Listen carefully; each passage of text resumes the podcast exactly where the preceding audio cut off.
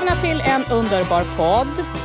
Gud vad härligt att ni ska vara med oss nu och släppa boken. Ja, Ja. verkligen. Helt fantastiskt. Och ni som är publik här inne nu framför oss på golvet här. Alltså, jag vet inte hur många livepoddar och boksläpp ni har varit med på. För mig är det mitt första. Mm. Jag kan säga så här, ni vet ju inte riktigt vad som kommer hända nu. Men vi kommer använda er i den här livepodden och det här boksläppet. Både era kroppar och förhoppningsvis också era själar. Bara så ni vet. Mm, och det gäller också för dig som lyssnar på poddavsnittet i efterhand. Med kropp och kanske också själ ska vi hjälpas åt att släppa den här boken och gud som vi har jobbat med den. Det känns så roligt. Jag blev helt rörd när Cecilia pratade för att det har verkligen varit en sån otroligt jobbig resa och eh, rolig resa. Jag hörde att du gjorde en lättnadens suck där. När den var slut. Ja. Och vi, det känns så himla roligt att bara stå här. Jag var så himla nervös ikväll och så bara se alla så här snälla ansikten från lyssnare och läsare som har följt med. Och så bara att ni pallade hit en vanlig vardagskväll. Fan vad glad man blir. Ja, och så så härligt att se boken Gul och grann tycker vi att den blev. Och vi vill jättegärna träffa här er efteråt också, ska vi säga. Ja. Stress, det är inte farligt. Det är vad vi har lärt oss när vi har gjort den här boken. Och vi har gjort mycket förarbete. Vi har intervjuat forskare, psykologer, läkare och alla är överens om samma sak. Stress är inte farligt. Våra hjärnor är byggda för att klara stress. Vi är byggda för att klara av att springa från en björn eller slåss med ett lejon och sen vila. Eh, vi kan stressa under en kort stund om vi bara får vila. Och idag verkar vi ha glömt bort den där sista lilla detaljen om att man ska vila när man har slagits med björnen. Våra hjärnor är byggda för att klara kort stress, inte långvarig stress. Men i dagens samhälle så måste vi också hantera en och annan björn, men framförallt eh, mejlkorgen och Skype-möten och e-fakturor och eh, en och annan eh, Och så några Insta-stories på Ja, precis. Ja. ja, här är en som verkligen vet vad det handlar om. Ja, ja alltså... Hur vet man då om man är ohälsosamt mycket stressad? Mm. Jag anar lite så här flackande oroliga blickar här och var i rummet. Ni kanske vet med er att ni känner att eh, ni tycker att ni stressar för mycket. Ni kanske också känner att ni mår dåligt av det. Men hur jäkla illa är det då? Är ni redo att göra ett stresstest här och nu? Mm, ni ser inte så lyckliga ut, men det behöver ni inte göra heller. Det här är ett stresstest som man gör på stående fot, så jag ska be er alla att ni lättar på era rumpor och ställer er på båda benen.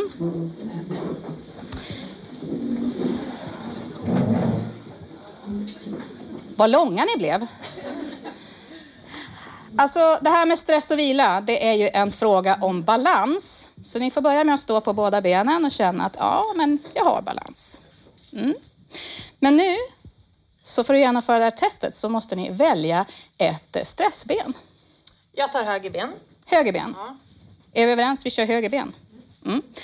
Då är det så att högra benet får symbolisera stress under testet och Klara kommer komma med olika påståenden. Mm. Och när ni känner att ja, men det där som hon sa, ah, det stämmer nog in på mig. Då ställer ni er bara på ett högra ben och så får ni stå och balansera lite.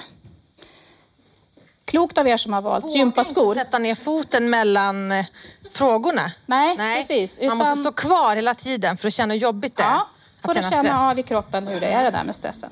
Ja, nu tar vi tag i det här. Ett påstående i taget. Jag kommer gå igenom dem. Ja, Vi jag ska kör inte nu. säga att du som lyssnar på podden i efterhand, det spelar ingen roll. Du får också vara med i det här. Och jag och Klara ska också vara med. Mm. När du vaknar är du trött fast du har sovit länge. Ja. Klara har högklackat och börjar vingla direkt. Jag såg att det var några som lättade och eh, eh, står och, och raglar lite lätt. Mm, det är alltså ett tecken på hälsosam stress. Jag måste hålla i dig. Det var en Ja. dålig idé att man inte sätter en fot emellan. Du känner dig orolig, nedstämd eller likgiltig? Inte s- några stycken. Du har svårt att koppla av när du är ledig. Då måste jag stå kvar. Ja. Du tycker det är sv- svårt att koncentrera dig. Ja. Ja. Ditt minne har blivit sämre. det börjar luta lite här på högersidan i rummet. Du känner ångest och fastnar lätt i negativa tankar. Nej, det var många som satte ner foten. Det var ju positivt. Ja. Du stör dig på småsaker i vardagen. Ja, Du får hjärtklappning, ont i magen och spänningshuvudvärk. Du väljer bort nöjen, motion, vänner och sånt du tycker är kul för att du känner att det inte finns tid. det har faktiskt jag slutat med. Så Ja, jag jag tänker med. stå på både stress och Jag med. bilbenet här. Känna balans i kroppen på den. Vad har vi mer? Sexlusten är borta. Det är ingen som... Ja, kul att Klara står stadigt med båda. Det känns som att tiden inte räcker till så du försöker effektivisera vardagen och blir irriterad för att alla andra är så jäkla långsamma. Ja, känner ni igen? Här och var. Mm. Okej, tack för att ni ställde upp det här stresstestet. Om ni vill får ni sätta er ner. Då har ni fått känna hur det var med den där balansen mellan stress och återhämtning. Hur kändes det? Tumme upp, tumme ner. Ja, sådär. Nej, men det är ju så här att påståendena som Klara läste upp det är alltså tecken på ohälsosam stress. Om man inte gör någonting åt det så kan det gå till utmattning. Och var det nu så att ni släppte upp vänsterbenet och stod på stressbenet några gånger så är det kanske inte hela världen. Men om ni stod på stressbenet mest hela tiden och ragla här så tror jag att ni kände att det där är jäkligt jobbigt. Mm. Och eh, ta tecknen på allvar för att det är ju lättare att komma till rätta med problemet om man, om man bromsar i tid helt enkelt. Stress är inte farligt, brist på återhämtning är farligt. Erika, du stod på ett ben i flera år faktiskt. Hur kändes det?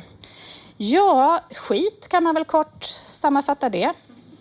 Alltså det var ju så att jag fick ju flera av de här eh, symptomen, tecken på stress som Klara räknade upp här, under många år.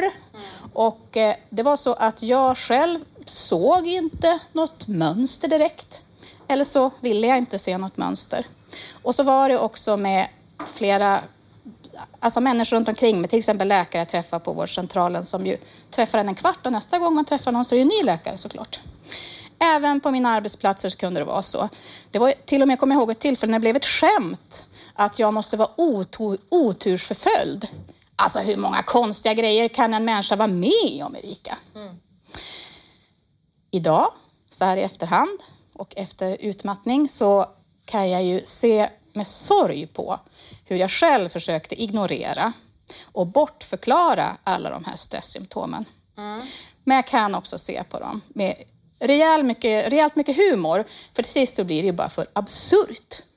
Ja, och du beskriver i boken väldigt bra hur du eh, bortförklarade dina symptom. Jag tänkte gå igenom dem igen och höra riktigt på hur det lät när du ursäktade dem för dig själv. Varje julledighet de senaste fem åren har du varit sjuk. Ett tecken på stress. Nej, alltså man kan ha otur.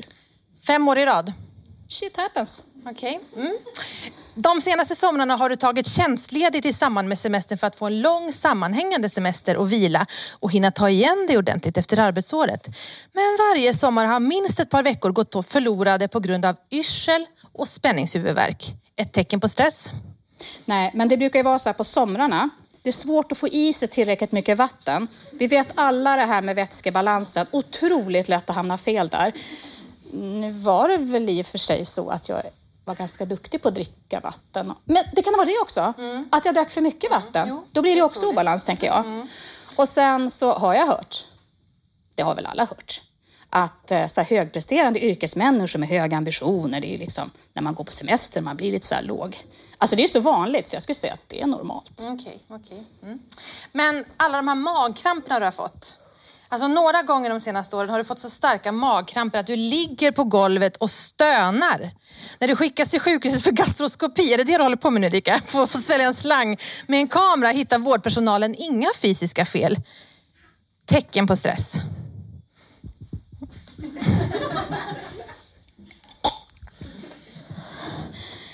Förlåt, men det är den här kameran i änden på slangen.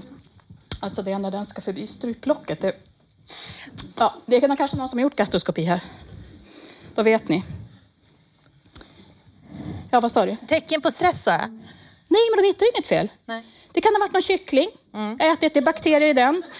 Och jag tänker så här nu, när det inte visar sig vara något fel, det är väl bara att kavla upp ärmarna och gå till jobbet igen. Yay! Under de här åren har du ofta dåligt samvete för att du inte hinner med dina barn och ofta är irriterad. Med andan i halsen hämtar du på skola och dagis och när barnen är trötta och gnäller bryter du ihop och börjar gråta. Ja, men vad fan, vilka småbarnsföräldrar alltså, känner sig inte stressade? Det är ju för sig sant. Alltså, det är ju fan att man aldrig får sova. Eller så kanske det var jag som var en ovanligt dålig mamma. Du har länge varit överviktig, men de senaste åren har buken liksom ändrat form. En sjuksköterska påpekar att stresshormonet kortisol ger den typ av mage som du har fått. Nej. Tecken på stress? Nej, alltså det här tror jag, det är rena tjockisgener. Men ditt höga blodtryck då? Du har alltid varit en person med lågt blodtryck. Det måste ju vara ett tecken på stress. Men jag sa ju precis att jag är överviktig. Ja, det är lätt för dig. Du är 32, jag är över 44. Det börjar kanske visa sig på trycket då. Svårt att andas, det tycker jag ändå är lite oroväckande. Du har svårt att andas periodvis återkommande stunder när andningen liksom inte fungerar. Du måste hjälpa till aktivt för att lyckas få in luft. Det måste ju vara ett tecken på stress, Erika. Nej, shit. Nu är jag bara så tjock att jag inte kan andas normalt. Till slut fick du ett eksem i hårbotten och visade din läkare. Ett, du kände att det kliade och du gick till din läkare och han började titta i din hårbotten och såg att du hade ett stort eksem på hela huvudet. Tecken på stress. Ja, men det fattar väl till och med jag att den har fel på hela mig. Ja. Hur blev håret här nu? Nej, det var inte bra. Tecken på stress. Ja, faktiskt. Det är du som har lockat det. Så. Två utmattade och locka ett hår. Det kan bli hur som helst. Nej, men det var så här det var. Inte varje dag förstås, men år efter år höll vi på så här, jag och kroppen. Och den signalerade stress här eller här eller här eller här. Och då tänkte jag, men jag går och drar på här ett tag till. Det går nog över. Så gick det inte över. Då åkte jag till vårdcentralen och så fick jag ett piller och så tog jag det.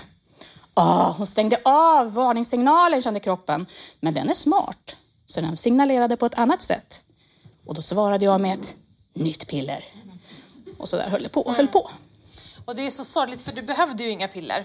Och det behövde ju inte jag heller utan det handlade om återhämtning. Om du hade varit bättre på att återhämta dig och jag hade varit bättre på att återhämta mig så hade vi inte blivit utmattade. Och det är liksom det som är grejen. Stress är inte farligt, brist på återhämtning är farligt.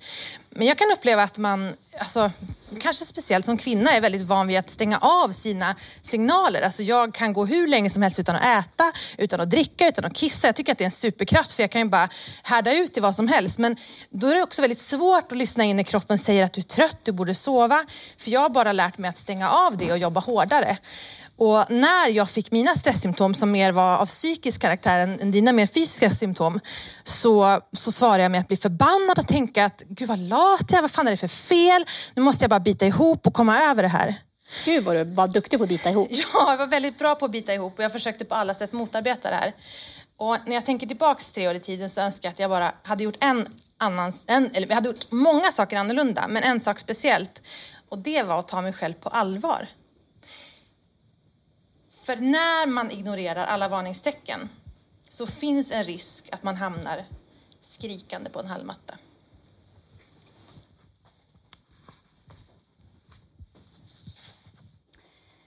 Mamma! Jag är 41 år gammal och ligger på hallmattan i min mammas lägenhet och skriker. Min röst skrämmer mig. Jag har aldrig hört mig själv så här förut. I många år har rösten varit mitt främsta arbetsredskap. Ett verktyg jag kan hantera, justera och använda som jag vill för att göra professionell radio. Men nu råmar det okontrollerat ur strupen. Jag nyper tag i hallmattans kant för att lägga ett dämpande hörn över munnen. Det är en stickig och tung matta. Det river på läpparna, men den kan inte hålla tätt. Djuriska ljud fortsätter att komma ur min hals. Mamma! Vilken tur att hon inte kan höra mig. Hon är med sin rollator på ICA Maxi och handlar. Och hon brukar åka dit tidiga morgnar som den här. Den här morgonen var det ju tänkt att jag skulle lyfta in hennes packade kassar i färdtjänsttaxin. Efter sjukdagar med migränanfall, hjärtklappning och overklighetskänslor så hade jag tänkt ta mig i kragen. Den här morgonen skulle jag bita ihop och följa med. För att hjälpa henne förstås. Men mest av allt för att visa mig själv att jag klarar av vardagliga saker. Jag måste få känna att jag fungerar. Men nu ligger jag istället här och skriker på hennes hallmatta. Och medan min mamma på egen hand försöker få mjölpaket och äggkartonger att rymmas i rullatorns nätkorg så ligger jag här. Jag hade missförstått tiden och jag kom hit för sent. Färdtjänstbilen den hade redan åkt när jag kom. Det är så märkligt. Jag har svårt att koncentrera mig och minnas vad folk säger nu för tiden. Klockslag, datum, namn, nummer. Nej, inget vill fastna. Alltså jag som har varit van att jonglera många bollar i luften. Eh, eh, jonglerar man förresten bollar? Eller är det sån här med skaft eh, bowling? Alltså jag kan inte ens få ihop en hel mening längre. Kanske har blivit knäpp. Förlorar förståndet. Varför skulle jag annars ligga här på min mammas hallmatta i helknäppt kappa, halsduk och vantar? Mamma! Varför bär inte benen längre? Har jag fått en neurologisk sjukdom? Eller en stroke? Och fastän jag vill skydda min mamma från allt obehag i världen så klarar jag inte av att låta bli. Jag rullar över på rygg och får upp mobilen ur kappfickan. Oh, hon finns alltid där högt upp på listan över mina senaste samtal. Kerstin. Jag sliter av vanten med tänderna så att pekfingertoppen kan nudda hennes namn på andra sidan glaset. Jag trycker till med pekfingret, fast jag vet bättre. Och när hon svarar någonstans mellan Icas brödhyllor kommer min gråt. Men älskade vän Erika, vad är det som har hänt? Sanningen är att jag inte vet. Än har ingen förklarat för mig vad utmattning är riktigt och att jag är en, en av alla dem som har fått diagnosen utmattning i 2010-talets Sverige. Den här decembermorgonen, då slår jag i min botten. Min 70-åriga mamma blir tvungen att ta hand om mig, fast det är jag som ska ta hand om henne. Kanske finns det alltid en sån här stund för oss som blir utmattade. Ett ögonblick när man dundrar ner i sin djupaste botten och tror att man är körd. Från botten syns ingen yta, bara ett obestämt mörker. Vilket håller uppåt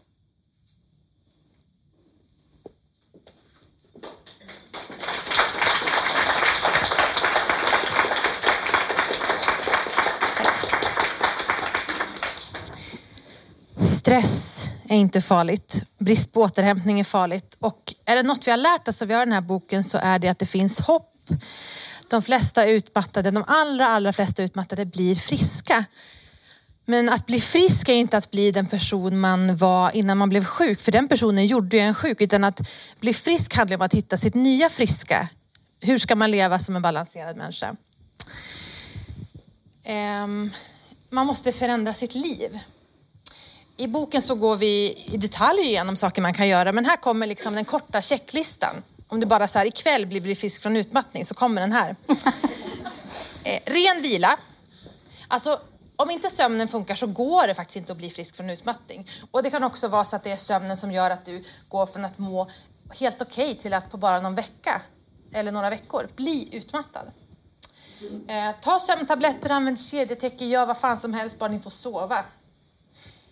Fysisk aktivitet, det skriver en hel del om i boken.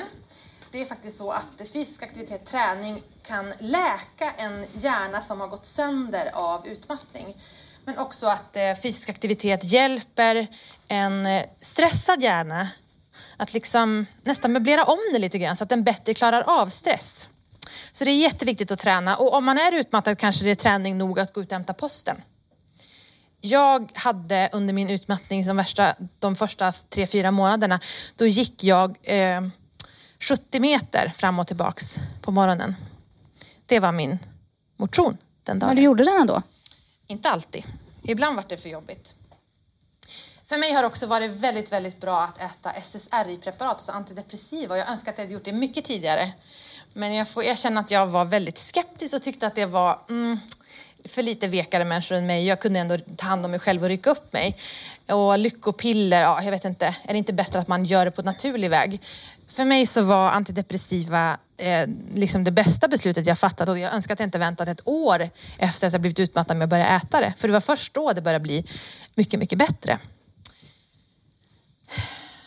Och sen har jag lärt mig att prioritera annorlunda. Jag lägger först in vila i schemat och sen lägger jag in jobb och jag gör först det roliga på lördagen jag har lust att göra och sen städar jag kylskåpet och, och tvättar barnens kisskalsonger och sånt efteråt. Hur mycket kommer du vila efter att eh, vi har varit i Stockholm nu? Alltså, du, det här är något slags förhör. Ja. Det blir ingen vila nästa vecka.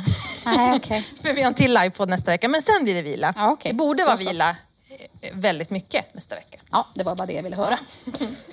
Ehm, men en annan sak som är återhämtning för mig det är att sitta instängd på mitt kontor och måla med gouachefärg och göra någonting som bara är för mig och som inte har med mitt jobb att göra. Som det är ingen som ska bedöma det eller, eller liksom analysera om det är bra nog. Hur många vet vad gouachefärg är? Ja, Titta, många. det är några som har tagit ansvar redan för sin återhämtning. Skönt.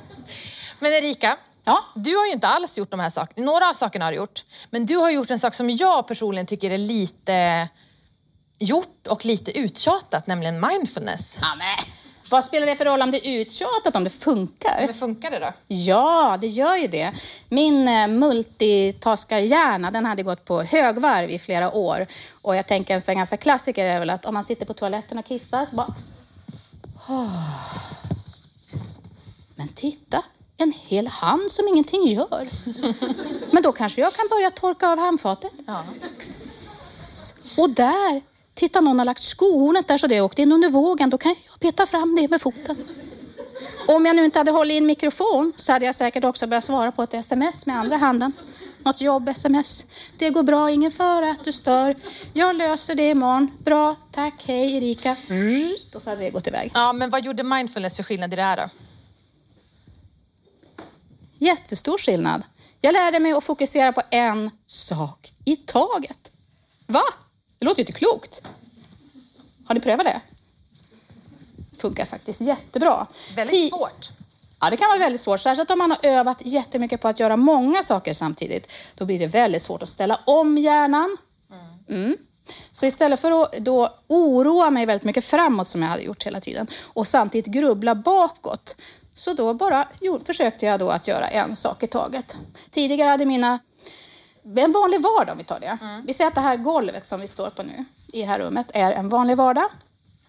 Då var det som att jag gick runt som en sorts utmattningszombie. Så här, Jaha, då var det morgon igen, då börjar vi med det.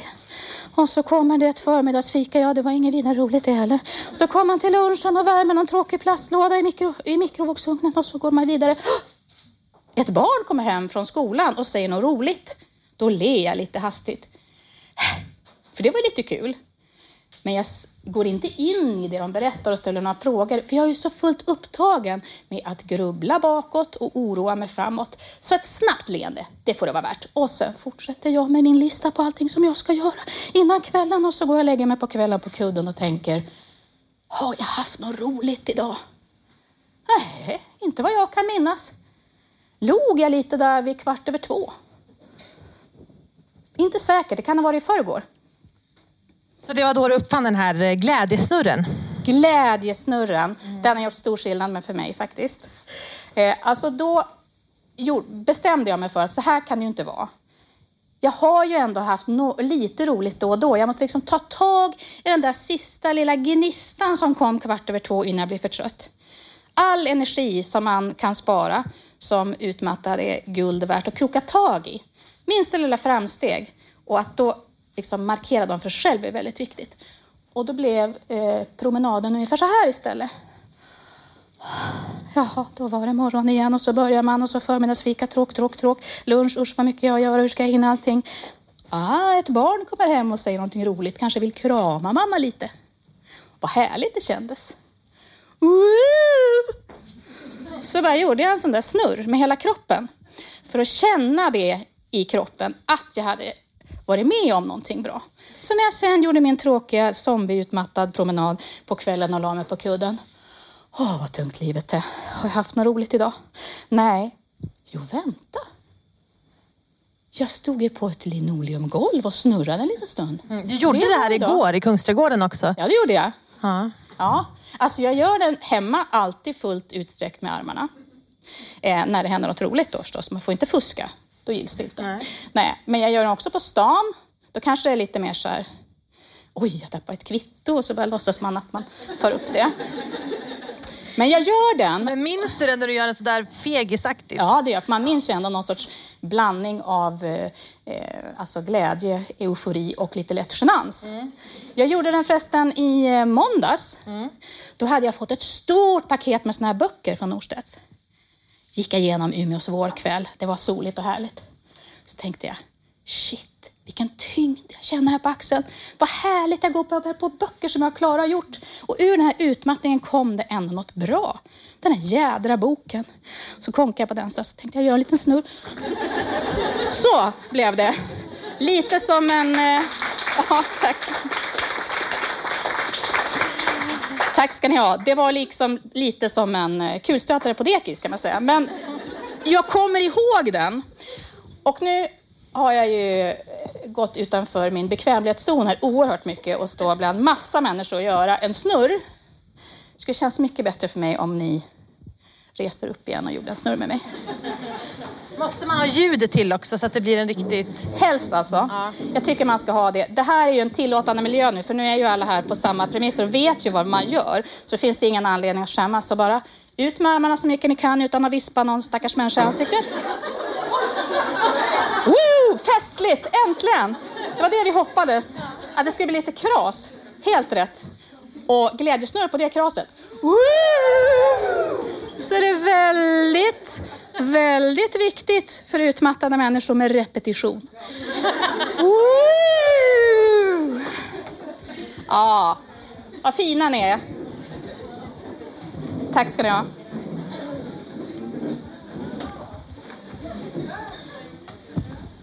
Det jag vill säga med den här snurren är att det finns saker man kan göra för att må bättre. Det kan vara såna små saker som man kanske tycker är lite pinsamma och fåniga, som vi gjorde här just nu. Det kan vara stora saker ju såklart, som vi skriver om i boken. Att säga upp sig, byta jobb. Man kanske måste avsluta en relation som dränerar en fullständigt på energi. Men vi har också gjort ett väldigt handfast eh, överlevnadskit i den här boken som vi skulle vilja demonstrera nu. Jag tänkte Klara att du skulle vara modell. Då har jag gömt det kittet här bakom. Du får nog ta av dig skorna. Va? Ja, okej. Nu ska jag inte visa mina spanks för vi vet ju alla att då blir det jävla. Ja, det ska vi inte göra. Alltså det är här är helt enkelt sådana saker som är så praktiska och små att man, de flesta kan man ha med sig i handväskan. Tack. Börjar du? Det känns ju festligt.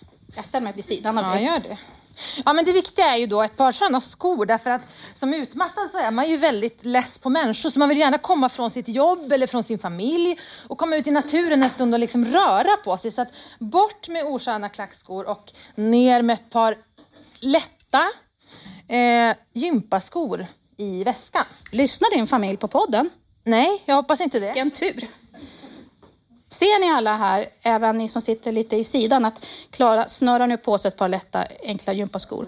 Så hon ska kunna fly undan. Som en människa. Ja. Ja. Jo, men det är viktigt att kunna ta paus i vardagen. Och eh, fysisk rörelse är bra, så då kan det vara den där promenaden på förmiddagen som gör hela skillnaden ibland. Är du redo för öronproppar? Ja, det här är ju superviktigt också. Jag har alltid öronproppar när jag kommer till Stockholm. Ni som bor här tycker säkert det är jättefånigt men jag sätter på dem när jag åker och sätter mig på tåget eller flyget. Så tar jag inte av dem förrän jag kommer tillbaka till Umeå igen. Det är så himla jobbigt med alla ljud. Det här Därför, gör jag även med mina barn och min man hemma när jag är less på dem. bra. Jo, men det här är också superbra. Någonting som jag använder var öronproppar i kontorshav. Ni som sitter i ett sånt. otroligt skönt att bara få stänga ute ljud och vila hjärnan. Som att man har en överhettad hjärna och stress i med öronproppar. Skönt. Ja, ska vi gå vidare? Klara har varit en sån person som har varit mycket frusen. Och så kan det bli när man blir sjuk av stress, att man liksom får fel på sin egen termostat, så man går och huttrar hela tiden. Och då kan det vara skönt med en sån här kofta, så man känner sig lite mer skyddad och inte så hudlös, är de ord som Klara har nämnt. En annan av hennes favoritgrejer i den här äh, kittet är en sån här, en vanlig sjal. För det här kan man hjälpa till och, eh, jobba med. Nu ska vi se så jag inte förstör din lilla mikrofon här samtidigt. Klara hon upptäckte att om man inte vill prata med folk, då kan man liksom gömma sin egen mun. Så. Det är jättesvårt att, att, att försöka ha kontakt med någon som, och prata med någon som inte har en mun. Så hon bara rullar in den i sjalen. Smart va? Går vi vidare i kittet här. Ja, men det här är ju en klassiker. Det använder vi väl alla ibland. Solglasögon. Du får ta på dem själv. Och om hon nu ändå skulle möta någon sjukt påstridig människa som skiter i det här med sjalen, inte respekterar det här med eh, solglasögonen och inte ser öronpropparna, för det kan den ju faktiskt inte göra. Då kan man ta såna här, ett par rejäla gamla hörlurar. kan man nog få rätt billigt tror jag på loppis. De måste ju inte funka. Det viktiga, alltså ljud behöver inte vara på, utan huvudsaken är att de täcker öronen. Sådär. Va? Promenadskor för att lätt ta sig ut i vardagen och få en paus. Öronproppar för att skärma av ljud som då eh, belastar hjärnan. Solglasögon för att slippa ögonkontakt. Dölj munnen för att slippa prata. Och visa med hörlurar att du inte vill höra vad någon har att säga. Titta på henne. Kan du snurra? Så. Va? Det här är en människa. Ja, Saker man kan göra själv. Och det här är ju då en människa, Klara, som ju verkligen visar att hon tar ansvar för sitt eget tillfrisknande. Jag tycker det är värt en till applåd faktiskt.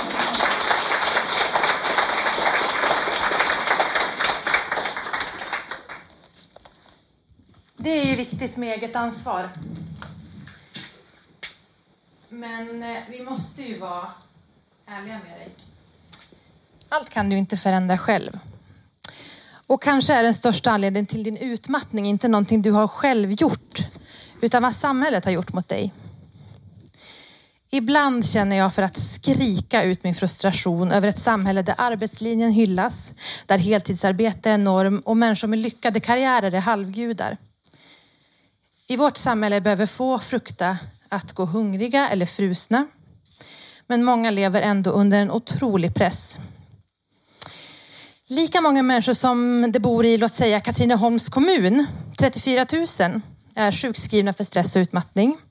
Och mörkertalet är stort.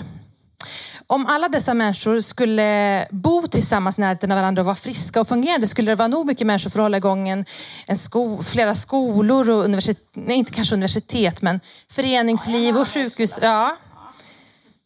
Och ett aktivt näringsliv. Så många människor är sjukskrivna i Sverige idag.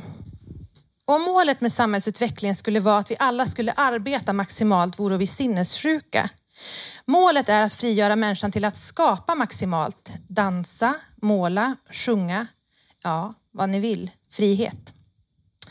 Så sa Ernst Wigforss, under 1930 och 40-talet en av socialdemokratins stora tänkare. Finansminister i Sverige. Att vi skulle få höra dagens politiker ens säga någonting så här är förstås helt otänkbart. Sverige har den högsta andelen förvärvsarbetande kvinnor i världen. Vi förväntas sköta både karriär och familj. Systemet med åtta timmars arbetsdag infördes 1919 när männen som arbetade ofta kom hem till en kvinna som inte yrkesarbetade alls. Tänk att vi nästan hundra år senare fortfarande jobbar lika långa dagar trots arbetslösheten i samhället och trots att dagens arbetande människor inte kommer hem till någon som sköter markservicen åt dem. Idag kan vi jobba alla tider på dygnet och ofta med uppgifter som är både otydliga och flytande. Samtidigt blir organisationer allt mer slimmade och det fungerar bra när alla är friska. Men blir någon sjuk får resten av gruppen också jobba hårdare. Och är de i sin tur redan tungt belastade ökar risken för utmattning. På samhällsnivå är den psykiska ohälsan ett problem eftersom att den förutom direkta kostnader i form av vård och försäkringar även leder till stora produktionsbortfall. På individnivå leder den till nedsatt livskvalitet, isolering, diskriminering och stigmatisering. Till och med ökad dödlighet i hjärt och kärlsjukdomar och cancer. När hamnar vi så snett i vårt samhällsbygge? Varför adresseras inte dessa frågor på ett tydligare sätt av ledare från, inom politiken och från näringslivet? Istället lägger man huvudansvaret för utmattningen på individen eh, genom att erbjuda kurser och självhjälp och tips om överlevnadskit som verkligen kan vara till nytta. Men om man inte har det stora perspektivet på den här frågan så lägger man bara skuld på individen. Kostnaden för de som drabbas av utmattning är skyhög, både emotionellt och ekonomiskt. Ska vi verkligen acceptera det här läget och bara finna oss i situationen som laglydiga medborgare? Jag tycker inte det. Och det tycker inte jag heller. Stort tack för att ni har hjälpt oss att släppa boken.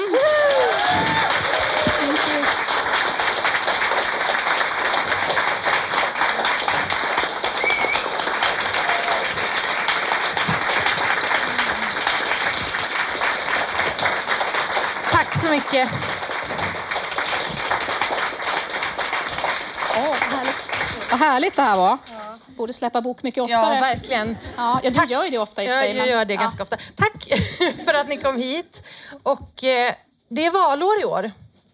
Och eh, det finns en jäkla massa politiker som inte adresserar den här frågan och jag önskar verkligen att fler personer skulle vara med och lyfta de här berättelserna. Vi har startat en kampanj med det här boksläppet som handlar om att eh, lyfta den här frågan. Och under hashtaggen Hjälp jag utmattad så delar vi och många läsare och poddlyssnare berättelser om sin utmattning för att liksom sätta den här frågan på agendan. För det är ju en, ett, ett folkhälsosjukdom där framförallt kvinnor drabbas. Var ni med? Hashtag hjälp jag utmattad. Mm. Bra. Skriv gärna där, det skulle betyda mycket för oss. Tack ska ni ha. Tack så mycket!